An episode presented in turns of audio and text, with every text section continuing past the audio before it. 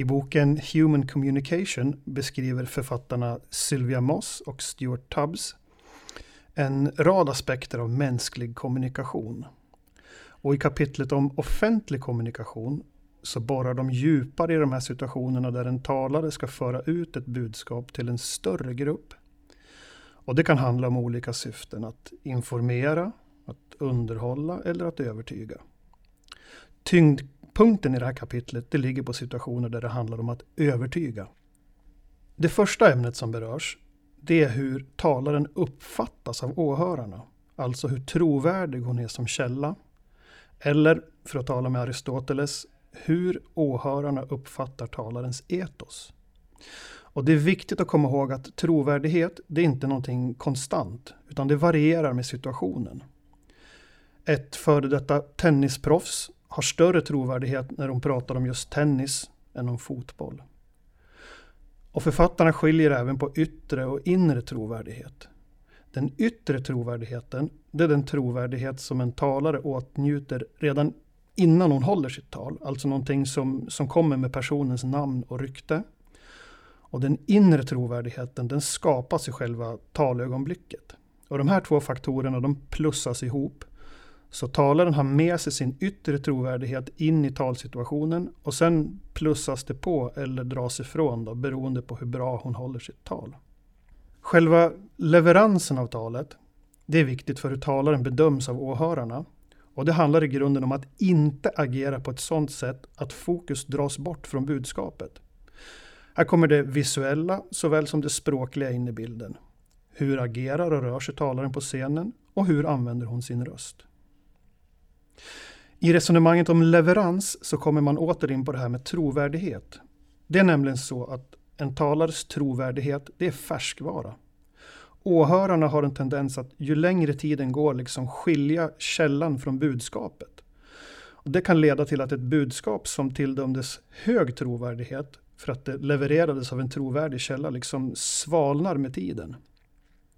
Och även om det finns knep för att komma runt det här så konstaterar författarna att över tid så är det budskapet som växer och talarens trovärdighet som minskar i betydelse.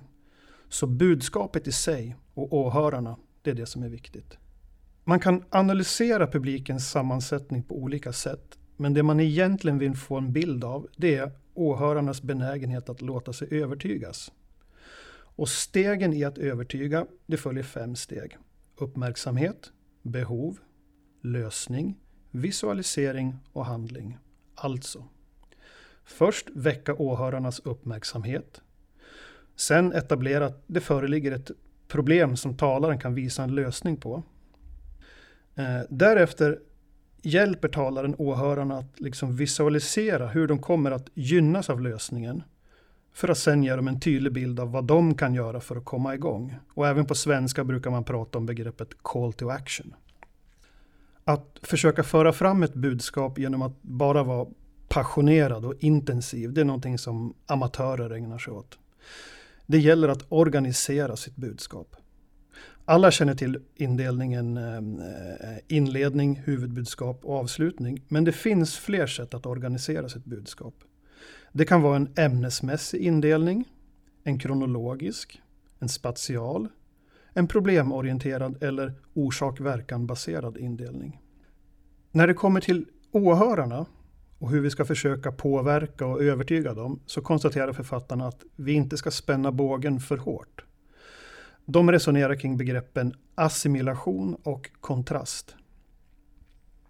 Om mitt tal till exempel syftar till att påverka åhörarna att gilla sänkt hastighetsbegränsning, då gäller det att propagera för rätt nivå på sänkningen, givet vad jag vet om åhörarnas åsikter i den här frågan.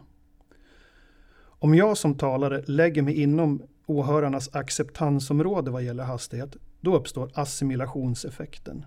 Åhörarna kommer att uppfatta min och sin egen ståndpunkt som närmare varandra än de egentligen är och liksom då assimilera min ståndpunkt. Omvänt, om jag lägger mig utanför acceptansområdet, alltså förespråkar en för stor sänkning, då kommer publiken att uppfatta skillnaden som större än den faktiskt är och en kontrasteffekt uppstår. Så frågan är, hur väl känner du din publik? Och hur mycket förändring törs du förespråka? En annan aspekt av det här med att känna sin publik, det är hur man lägger upp argumentationen.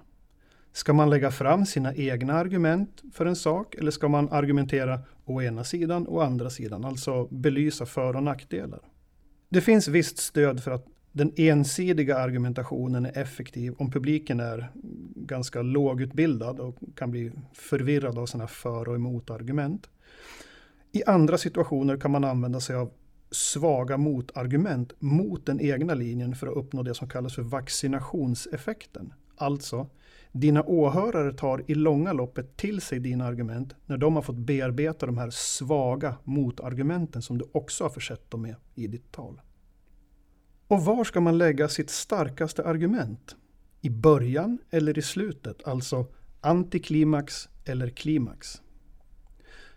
Här är det inte helt säkert, men författarna, Tubbs och Moss, de framhåller att det här klimaxupplägget, det kan vara effektivt om dina åhörare är på din sida så att säga.